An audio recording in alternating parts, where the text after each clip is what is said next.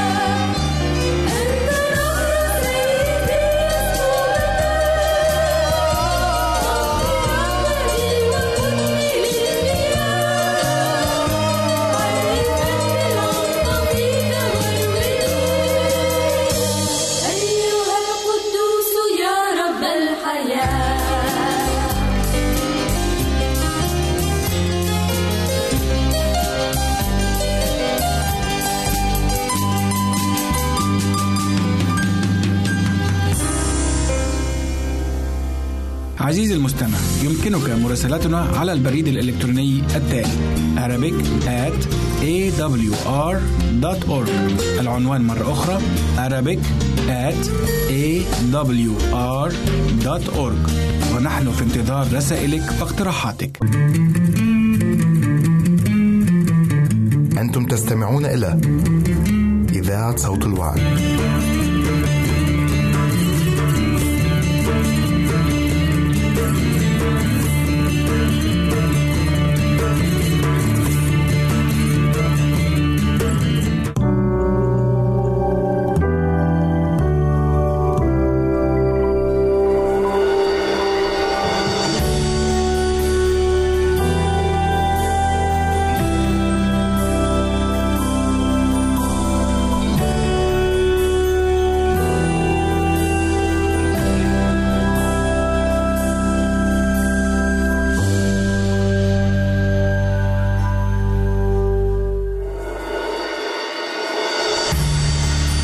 في الشخصيات بين الإخوة والأخوات ماذا يصنع؟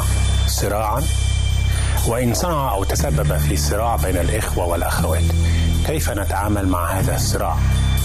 ماذا لو أن في الأسرة أخ الأخ الأكبر تحديدا لديه روح التدين ماذا يمكن أن تكون طبيعة العلاقات معهم ما هي مشكلة قصة أو مثل الابن الضال لو فرضنا وضع نهاية مبكرة أو نهاية سعيدة لقصة أو مثل الابن الضال أين يمكن أن نضعها؟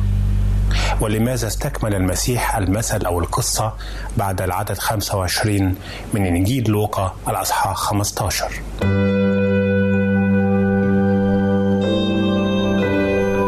أهلا وسهلا بكم في حلقة جديدة من برنامج علاقات روماتي حلقتنا اليوم عن الأخ الأكبر والابن الضال. الملامح الفنية للشخصية أو العلاقة من هو بطل القصة في مثل الابن الضال؟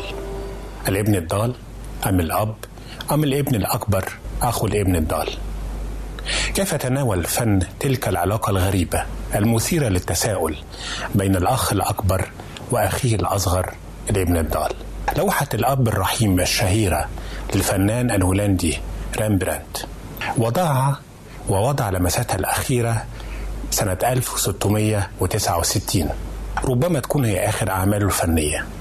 بتمثل اللوحة المشهد الأساسي في مثل الابن الضال في إنجيل لوقا أصحاح 15 بيعكس رامبرانت في لوحاته هذه ألمه النفسي الدفين الشخصي بسبب فقدانه لابنه الوحيد البالغ من العمر 27 عاما. بيصور فيها الاستقبال الأبوي الحنون العطوف المتلهف من الأب الابن الضال العائد إليه. الأب يبدو بوجهه الذابل من المعاناة أو الشاحب ويديه تحتضنان بحب كبير الابن الضال. مستخدما اللون الأبيض والأسود كمزيج من الضوء والظلام إشارة إلى بزوغ الفجر وإلى نور القيامة الذي يقتحم عالم الموت المظلم. من خلال انعكاس النور من مركز اللوحة مركز اللوحة اللي فيها الابن في حضن الأب. الأب بينحني بكل لطف ورقة على ابنه العائد بصورة الأب الشيخ الذي أعيا كثيرا انتظارا وترقبا لعودة ابنه. وبقي متأملا راجيا بكل إيمان أنه سوف يعود. هذا هو الحب غير المشروط للأب اللي بيعكسه رامبراند في لوحته الشهيرة. صورة الأب المتقدم في العمر بحكمته وبخبرته ومعاناته من الانتظار والترقب أما الأخ الأكبر في اللوحة فهو في خلفية اللوحة الداكنة في الخلفية الداكنة اللي بتقترب من السواد وكأنها سواد الرفض والغيرة والمطالبة بإحقاق العدل وليس الرحمة. نرى الابن الأخ أو الأخ الأكبر في اللوحة واقفا مع مجموعة من الأشخاص غير الواضحين بتعتلي وجوههم دهشة الترقب نتيجة هذا اللقاء بشكل في استنكار. ولكن إن كانت هذه هي الملامح الفنية لشخصية الأخ الأكبر أو أخ الابن الضال. ماذا عن ملامح الكتابية أو الروحية للشخصية؟ وماذا عن علاقتها كما رسمها الكتاب المقدس؟ وماذا عن ظروفها الاجتماعية والثقافية آنذاك؟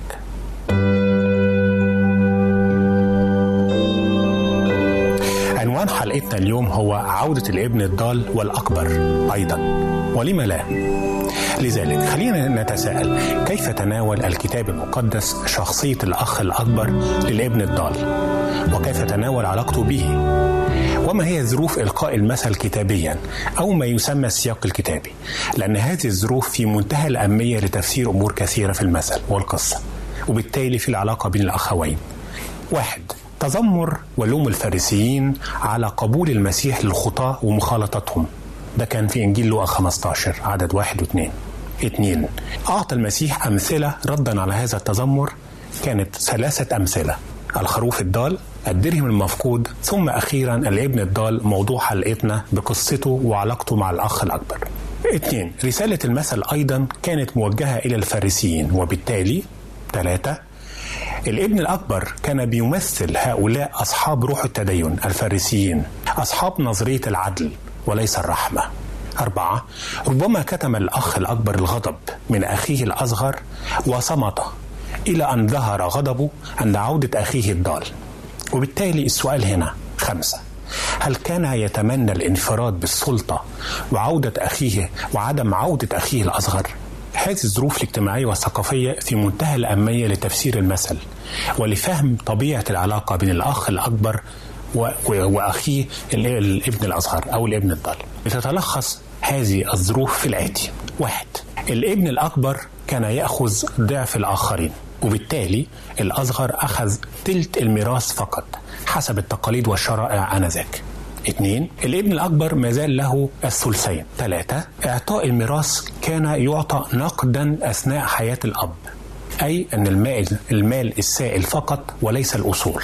أربعة الأخ الأكبر كان المفروض يتوسط بين الابن الأصغر وبين أبيه سعيا للمصالحة في حال طلب الابن الأصغر طلبا كهذا لكن الأخ الأكبر لم يفعل ذلك. خمسة جري أو رقد الأب الشيخ الوقور. كان في ذلك الوقت نوع من المهانة له أو التقليل من مكانته الاجتماعية. وما كانش المفروض يعمل كده ولو في أصعب الظروف. لكن اللي حصل أنه الأب جري فرحا وشوقا للقاء ابنه الضال. ستة مسؤولية الأخ الأكبر كانت تحديدا وقت الاحتفالات هو استقبال المدعوين لكنه لم يفعل. سبعة كان ذبح العجل المسمن أمر نادر الحدوث إلا في المناسبات الكبرى لكنه تم بالفعل لأجل خاطر عودة الابن الضال واحتفالا به. ثمانية ترك الأب للمأدوبة والضيوف كان يعبر عن تواضع شديد وبالتالي ذهاب الأب إلى ابنه بالخارج كي يحاوره يعتبر تواضعا شديدا. لذلك فإن الملامح الروحية لشخصية الأخ الأكبر للابن الضال يمكن تلخيصها في الآتي. ولكن مع مراعاة أن نفس هذه الملامح الروحية هي ملامح إيجابية عندما يتم التطرف فيها تتحول إلى للأسف الشديد إلى ملامح سلبية. كالآتي واحد أخ شديد الإخلاص في واجباته الدينية. لكنه مغلق أو محدود الأفق في تصوره عن الله ورحمته وعن تعاملاته الفريدة مع الإنسان وخاصة الخطاة ولو على حساب أخيه. اثنين أخ فريسي النزعة وبالتالي لا يعترف فقط إلا بالتدين وأساليبه.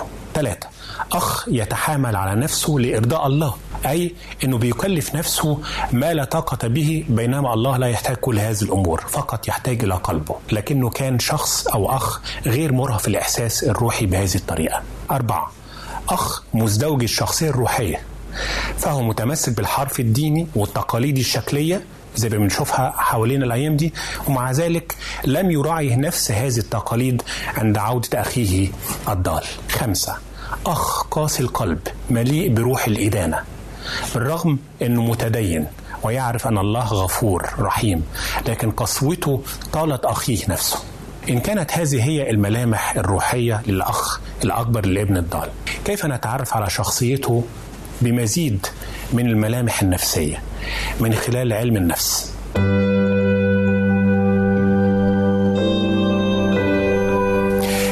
نتعرف على شخصية الأخ الأكبر لابن الضال ومثله كثيرين في عصرنا الحالي المتدينين الفريسيين الجدد.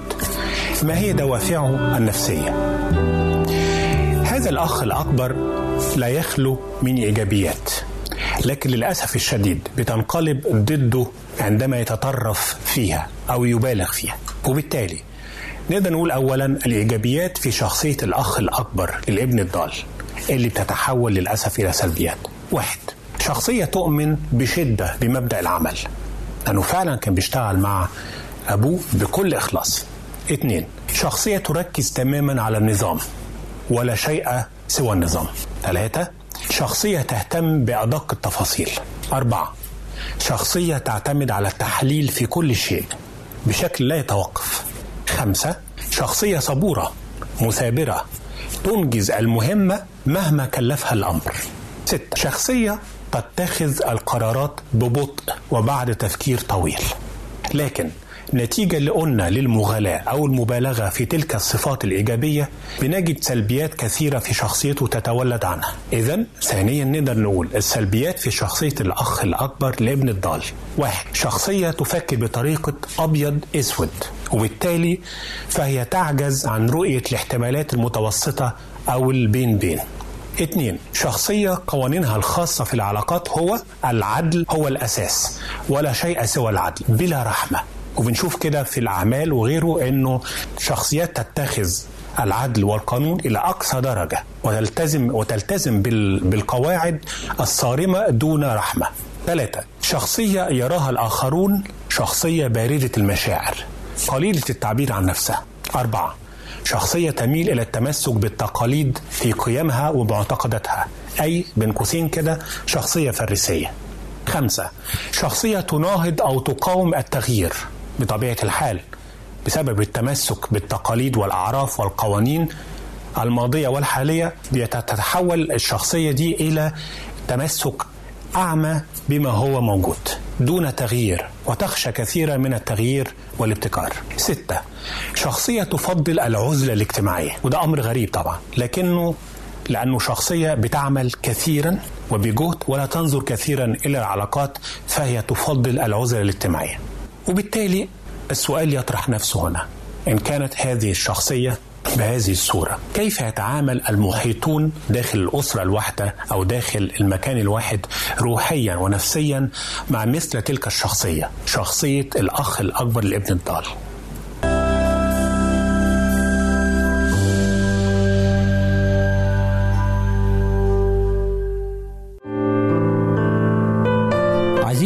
المستمع. يمكنك مراسلتنا على عنواننا الإلكتروني Arabic at awr.org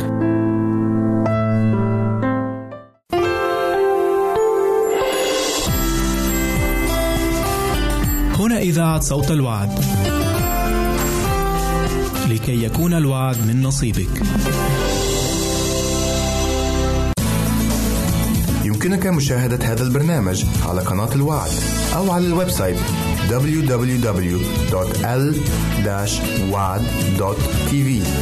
www.al-waad.tv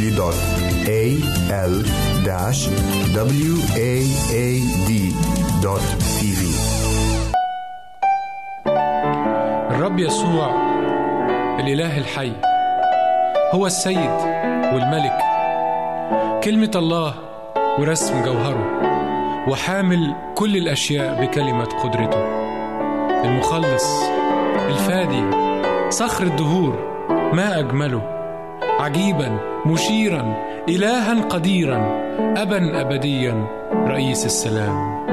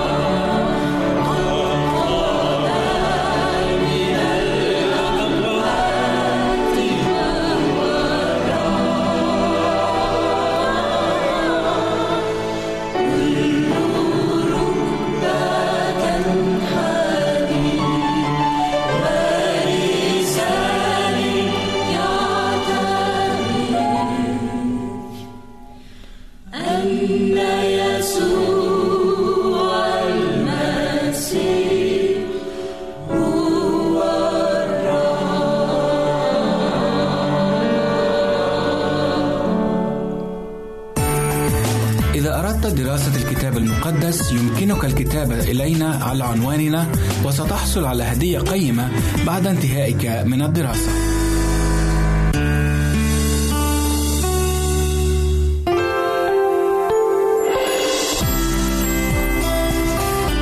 هنا إذاعة صوت الوعد. لكي يكون الوعد من نصيبك.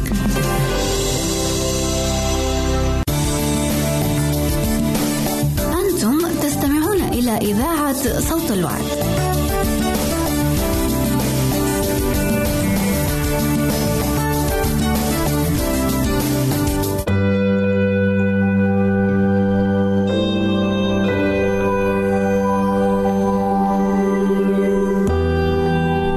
بعد استعراضنا للملامح الفنية والروحية والنفسية لشخصية صعبة زي شخصية الأخ الأكبر لابن الضال بنأتي إلى الجانب العملي اللي من خلاله إزاي نتعامل مع شخصية زي كده أو كيفية التعامل روحيا ونفسيا مع هذا الشخص أو بطريقة تانية.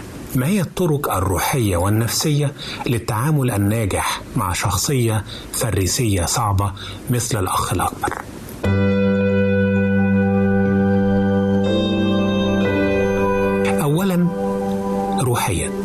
بياتي سؤال مهم. كيف تعامل الكتاب المقدس أو الله مع الأخ الأكبر في قصة الابن الضال؟ أو سؤال تاني. من هو البطل الحقيقي في هذه القصة؟ الأب الابن الضال أم الأخ الأكبر؟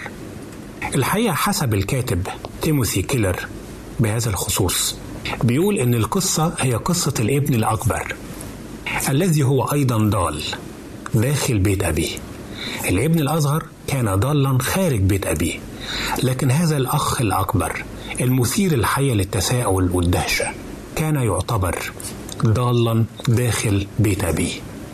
لأنه ما كانش فاهم بالظبط العلاقة الروحية مع الله شكلها إيه. واستقل بنفسه الابن الأصغر وصار في عالم الشر. لكن الابن الأكبر استقل بنفسه أيضا. وصار في عالم التدين. كلاهما كان ضالا. الابن الأكبر أيضا كان ضال. ليه؟ لأنه استخدم صلاحه أو بره الذاتي أو إحساسه بأنه بيصنع كل ما هو مطلوب منه. هذا الإحساس استخدمه ضد أخيه وضد أبيه في النقاش مع أبوه. كان مصاب بما, بما يسمى البر الذاتي أو الكبرياء. طيب إزاي تعامل الأب أو الله الأب ممثل الله في هذا المثل مع تلك الشخصية. بالآتي واحد الحوار. خرج الأب إلى الابن إلى الابن الأكبر وأجرى معه حوارا رغم أنه كما عرفنا سابقا كان يعيب الأب أن يترك المدعوين والمؤدبة ويخرج لكنه خرج إليه خصيصا كي يتحاور معهم. ترك ضيوفه وخرج للقاء ابنه الأكبر. اللي كان المفروض أن يكون في استقبال مدعوين مع أبيه أو بيساعد أبيه في الداخل. اثنين بعد الحوار يأتي القبول أو الحب. الأب استخدم تعبير شديد الرقة والعطف والاحتواء والقبول في نقاشه مع ابنه الأكبر عندما قال له يا بني. والحقيقة بني أو يا بني هذا التعبير في الأصل اللغوي بيأتي تعبير في غاية العطف والحب والاحترام. ثلاثة الفرصة المفتوحة أو النهاية المفتوحة. وده أمر مهم جدا في التعامل مع أمثال الأخ الأكبر المتدينين. إزاي؟ ترك المسيح نهاية مفتوحة للمثل. بعد آخر جملة حوار قالها الأب للابن الأكبر وهي فقال له يا بني أنت معي في كل حين وكل ما لي فهو لك. ولكن كان ينبغي أن تفرح وتصر لأن أخاك هذا كان ميتا فعش وكان ضالا فوجد. هذه النهاية المفتوحة للمثل تفتح لنا آفاق واسعة في النظرة الروحية لشخصية مثل شخصية الأخ الأكبر لابن الضال. إزاي؟ ألف. هذه النهاية المفتوحة تعني رحمة الله الواسعة. ربما من رحمة الله الواسعة أنه لم يضع نهاية مؤسفة محددة للأخ الأكبر على موقفه الخاطئ فهو العنيد المصر والذي لا يقتنع إلا بوجهة نظره هو فقط. ب. رد فعل الأخ الأكبر غير مذكور أيضا وغامض بعد الحوار مع الأب.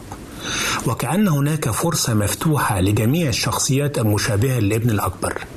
تلك الشخصيات التاركة للرحمة والمتمسكة فقط بالعدل.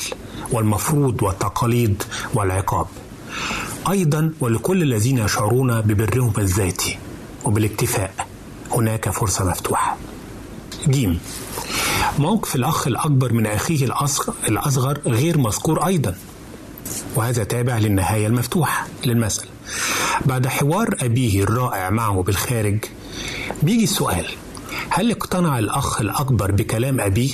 وانفتحت عيناه وتحول من فريسي الهوى إلى أخ أكبر حقيقي بكل معنى الكلمة يغلب أو يرجح كفة الرحمة على العدل هل فتح ذراعيه لاحتضان أخيه الأصغر الذي كان ضالا فوجد وميتا فعاش؟ هل تغير اتجاهه الروحي من فريسي ناموسي إلى أخ رحيم يملأ الغفران قلبه وتملأه المحبة غير المشروطة للخاطئ النادم؟ ربما ربما نعم ربما لا. لكن الإجابة دائما في النهاية المفتوحة تعني أن ثمة بابا مفتوحا للرحمة لهذا الأخ الضال أيضا. الدال. المسيح توقف عند نهاية مفتوحة وده بيؤكد الفكرة الأساسية. أن تصمت القصة عن رد فعل الأخ الأكبر المتوقع بأن يظل مصرا على موقف الرافض لعلاقة أخيه ده كان أمر متوقع. لكن القصة صمتت عن هذا رد الفعل الطبيعي المتوقع. ليه؟ لأن ده معناه أن هناك بصيص أمل في تغير موقفه من أخيه. وبداية علاقة جديدة معه قائمة على أساس الحب والرحمة لا على أساس المنافسة على السلطة والمال والرفض. ثانيا نفسيا. كيف نتعامل مع شخصية صعبة مثل شخصية الأخ الأكبر الابن الضال والمنتشرة بالفعل في أيامنا كثيرا؟ أو بمعنى آخر كيف نتعامل بنجاح مع مثل هذه الشخصية؟ من الناحية النفسية كيف نفهمها؟ والمفتاح في هذا السؤال أو في العلاقة الناجحة مع هذا الشخص الصعب بيأتي من السؤال كيف نخرجه من صندوقه؟ بمعنى إزاي نخرجه من عالمه الضيق اللي حصر نفسه فيه؟ هذا المفتاح بتقدمه لنا عالمة النفس والتواصل سوزان لينجر في كتابها نحو التواصل بيننا. واحد نشجعه ببطء على توسيع قدرته على قبول دائرة واسعة من الأصدقاء. رويدا رويدا. لأنه هو قليل العلاقات فيحتاج إلى توسيع علاقاته وبالتالي إثراء حياته. اثنين نشجعه على الإنصات لوجهات نظر الآخرين. يعني نعرض عليه وجهات نظر أخرى ولكن بشكل موضوعي وبدون عاطفة أو انفعال لأنه شخص لا يخضع كثيرا للعاطفة بل للمنطق وحده. ثلاثة نشجعه على روح الدعابة. أيوة لأنه هو شخص صارم. و... واحيانا حتى من كثرة تدينه يظن أن الدعابة نوع من عدم التدين. وبنلاحظ كده كتير حوالينا. عشان كده الغريب إن هو في داخله روح دعابه لأنه إنسان ذكي بطبعه لكن تحتاج إلى من يساعده على إخراجها في جو ودي وهي كمان بتبقى روح الدعابه دي مغمورة تحت التعامل الجدي أو تحت القناع اللي بيرتديه عشان يبدو شخص صارم وجدي. أربعة نساعده على قبول التغيير في التوقيت المناسب. التغيير كلمة مفتاحية في التعامل الناجح مع هذا الشخص كي يتطور. رغم إنه شخص عنيد ضد التغيير لأنه تقليدي ويقدس التقاليد والأعراف ويقدس القوانين كما هي. لكن هذا الشخص يحتاج إنه قبل ما يجزم أمره في تكوين رأي معين أو موقف معين نخش معاه في حوار ونحاول نقنعه بالتغيير ولو درجة درجة. خمسة نساعد هذا الشخص على الدخول في تجارب جديدة ولكن بخطوة بسيطة اولا. هذا الشخص حابس نفسه في الصندوق بتاعه في عالمه في شغله المتفاني فيه جدا. قليل الاجتماعيات قليل العلاقات وبالتالي ليس لديه تجارب جديدة تثري طريقة تفكيره تثري نفسيته تثري حتى نظرته للحياة بشكل عام. لكن يحتاج إلى هذه الأمور خطوة خطوة بخطوات بسيطة أولا.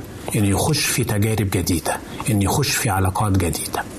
ستة نسمعه أو نقدم إليه شيء من المشاعر. لكن تكون هذه المشاعر ممزوجة بالمنطق لأنه دائما وأبدا هو حريص ومتحفظ جدا ضد الانفعالات والمشاعر عشان كده هو ضد الرحمة ومع العدل الخالي من أي نوع من المشاعر أو العاطفة. عشان كده هو يحتاج إلى لمحة من المشاعر في حياته. يحتاج إلى لمحة من أن يكون بيقبل أن يكون إنسان متعاطف ولكن لأسباب منطقية. المنطق عنده شيء قوي جدا ولا يجب أبدا أن نتجاهله. سبعة. وده أمر مهم جدا جدا نساعده على رؤية رمادية بين اللونين. قلنا في في في الحلقة إنه هذا الشخص أو شخصية الأخ الأكبر الفريسي بطبعه أو الناموسي أو الشخص القانوني إلى أبعد حد. هذا الشخص ينظر إلى الأمور بطريقة أبيض أو أسود لكن خصوصا في الحكم على الناس تحديدا في الحكم على الآخرين. لكن أنه يبتدي يتعلم إزاي يكون بينظر إلى الأمور وإلى الواقع نظرة رمادية ده أمر مهم جدا. ونظرة رمادية لا تعني لا تعني خلط الشر بالخير ولا تعني الموائمة أو الموازنة أو التوفيق أو التلفيق بين أمور متعارضة. لكن تعني أنه في كل شخص هناك نقاط بيضاء ونقاط سوداء. هناك نقاط ضعف وهناك نقاط قوة. ويجب أن ينظر هذا الشخص إلى الآخرين بهذه النظرة. أنه ليس هناك شرير أو ليس هناك إنسان شرير بالكامل وليس هناك إنسان خير بالكامل. بل الأبيض يختلط مع الأسود في كل شخص من حياتنا. عشان كده بيحتاج أن يكون بيدرك إن هناك لون آخر في الحياة هو اللون الرمادي اللي بيجمع بين الأبيض والأسود في كل شخص فينا. في النهايه عايز أختم لكل شخص ربما يرى نفسه أو بعض ملامحه في شخصية الأخ الأكبر. لديه إيجابيات لكن هذه الإيجابيات بيبالغ فيها فتتحول للأسف إلى سلبيه. عايز أقول له ارجع تاني للتوازن. ارجع تاني التوازن بين الأبيض والأسود. ارجع تاني بنعمة الله اللي بيدينا هذا التوازن بين النظرة للعدل والنظرة للرحمة.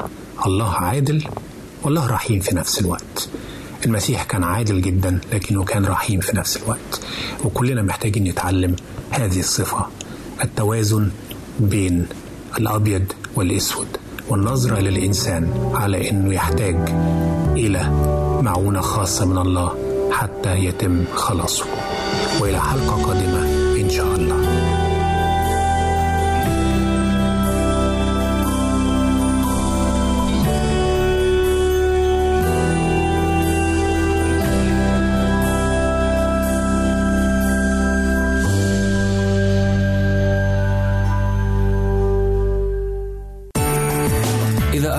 دراسة الكتاب المقدس يمكنك الكتابة إلينا على عنواننا وستحصل على هدية قيمة بعد انتهائك من الدراسة.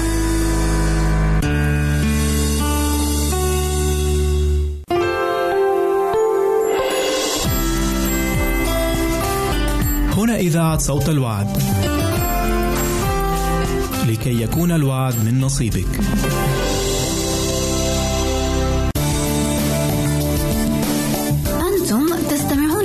إذاعة صوت الوعد.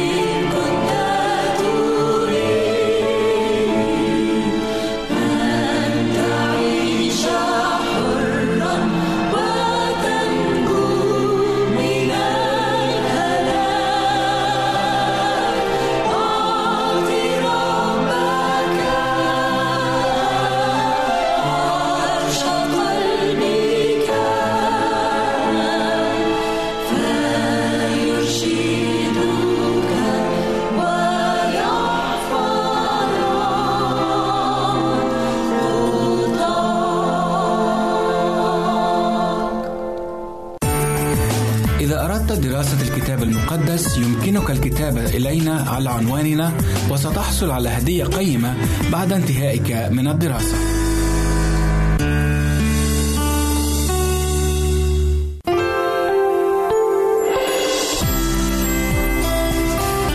هنا إذاعة صوت الوعد. لكي يكون الوعد من نصيبك.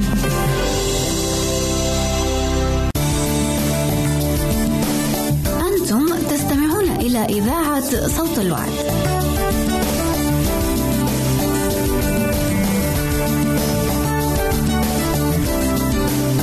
أهلا وسهلا بكم أحبائي المستمعين والمستمعات في حلقة جديدة من برنامجكم أمثال الحكيم.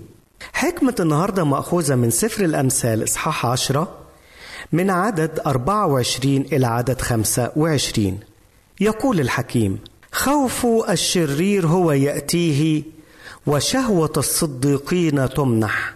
كعبور الزوبعة فلا يكون الشرير أما الصديق فأساس مؤبد. حكمة النهارده سليمان الحكيم بيكلمنا عن شعور الشرير. هو دايما بيكون خوف وبيذكرنا سليمان الحكيم إن خوف الشرير هو يأتيه. في البداية عايزين نعرف إيه هو الخوف؟ ومن هو الشرير؟ الشرير هو الإنسان الذي يسلك بعكس إرادة الله. هو الإنسان الذي يسلك بحسب شهواته وحسب أغراضه الدنيئة وحسب مطامعه وأهوائه ولا يعطي الله مكانا في حياته. الشرير هو الذي يكسر كل كلام الله وكل القيم السامية التي أعطاها الله للإنسان.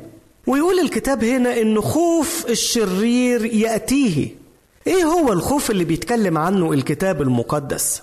تعالوا عشان نعرف إيه هو الخوف اللي بيجي للشرير. نقرأ من الرسالة للعبرانيين إصحاح عشرة وعدد 26 لعدد 29 يقول كاتب الرسالة إلى العبرانيين فإنه إن أخطأنا باختيارنا بعدما أخذنا معرفة الحق لا تبقى بعد ذبيحة عن الخطية بل قبول دينونه مخيف وغيره نار عتيدة أن تأكل المضادين. من خالف ناموس موسى فعلى شاهدين أو ثلاثة شهود يموت بلا رأفة. فكم عقابا أشر تظنون أنه يحسب مستحقا من داس ابن الله. وحسب دم العهد الذي قدس به دنسا واصدر بروح النعمة. إيه هنا خوف الشرير اللي بيتكلم عنه كاتب الرسالة للعبرانيين الخوف هنا الدينونة الحتمية التي ستصيب كل شرير. الخوف هنا إن الإنسان يقع تحت يد الله القدير وبالشرير بيسأل نفسه إزاي أنا أقدر أنقذ نفسي؟ الشرير بالرغم شره لكنه يعلم أنه لا توجد قوة ما تستطيع أن تنقذه من يد الله القديرة. مفيش قوة هتقدر تنقذ الشرير من إيد الله في يوم الدينونة.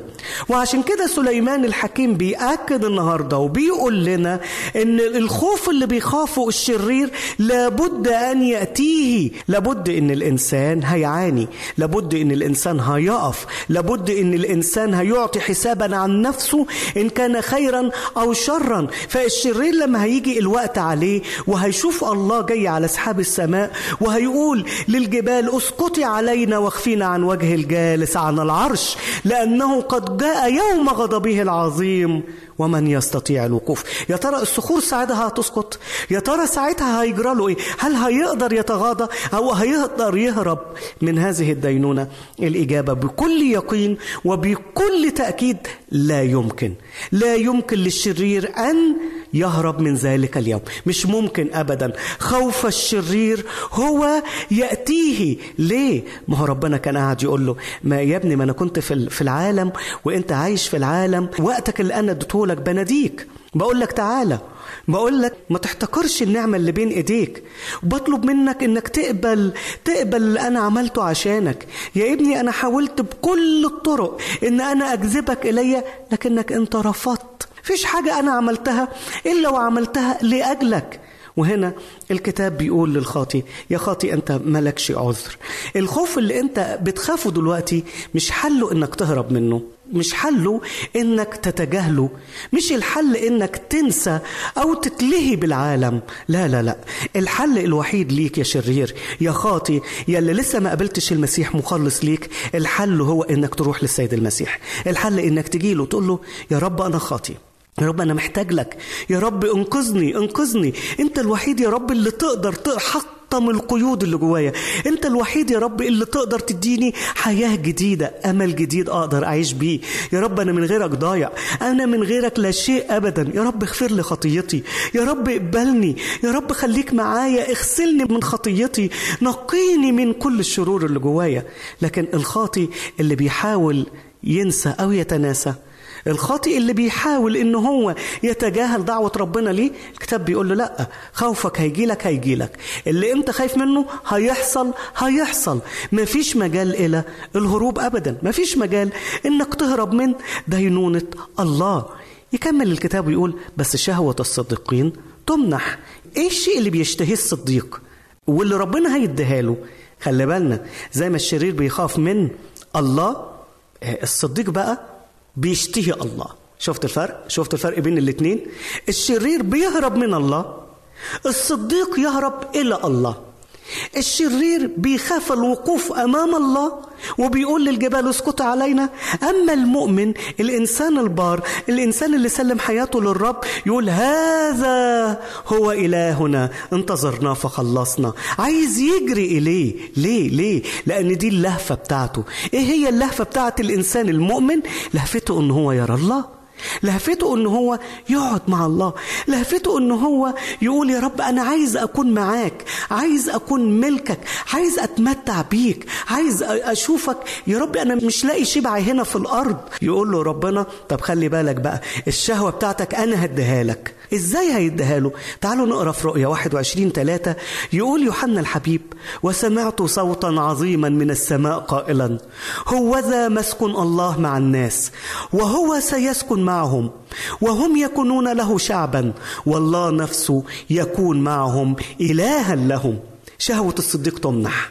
تمنح إزاي؟ هيجي وقت هيجي وقت. وهنكون مع الله إلى أبد الأبدين. هنكون مع الرب يسوع. هننسى التعب هننسى الألم هننسى الحزن هننسى الخطية هننسى كل التجارب السيئة اللي إحنا عايشين فيها. عشان كده المؤمن المؤمن دايما بيقول له نفسي أشوفك يا رب نفسي أشوفك نفسي أكون معاك. أثرها بقى كفاية. أنا مش عايز العيشة المملة اللي أنا فيها دي. خلاص بقى تعالى يا رب. أمين تعالى الرب يقول له أنت أنت بتشتهيني؟ طب أنا همنح لك الشهوة دي. أنا هحقق لك أحلامك. أنت هتكون معايا. عشان كده لازم نخلي بالنا من حاجة مهمة جدا جدا جدا. المصير يا أحباء. إحنا آه كلنا يا إما الخوف هيجي لنا لو كنا أشرار وربنا يحمينا من المصير ده يا إما شهوتنا هتمنح لو كنا ماشيين مع الرب وهنكون مع الرب إلى أبد الأبدين. وده اللي أنا بتمناه ليا ولكل واحد بيسمع هذه الكلمة الآن. خلي بالنا إن في النهاية لابد إننا جميعا نقف أمام الله. ولكن هتكون الحكاية مختلفة بالناس والتانية. مش هيكون الكل زي بعض. كلنا هنقف. كلنا هنعطي عن نفسنا حسابا. ولكن عندما يأتي الرب من السماء هيكون في ناس فرحانة وناس حزينة. اللي فرحان هو اللي بيرتبط بالرب. هو اللي منتظر المجيء. لكن الحزين هو اللي خايف من هذا المجيء. خايف من المواجهة. وقت ما هنشوف الرب وقت ما الرب هيجي يا إما هيكون للبهجة يا إما للرعب أو للحياة أو للموت. كل ده بيرجع لمين؟ كل ده بيرجع لينا إحنا اللي بنقرر مصيرنا. إحنا اللي بنقرر مصيرنا.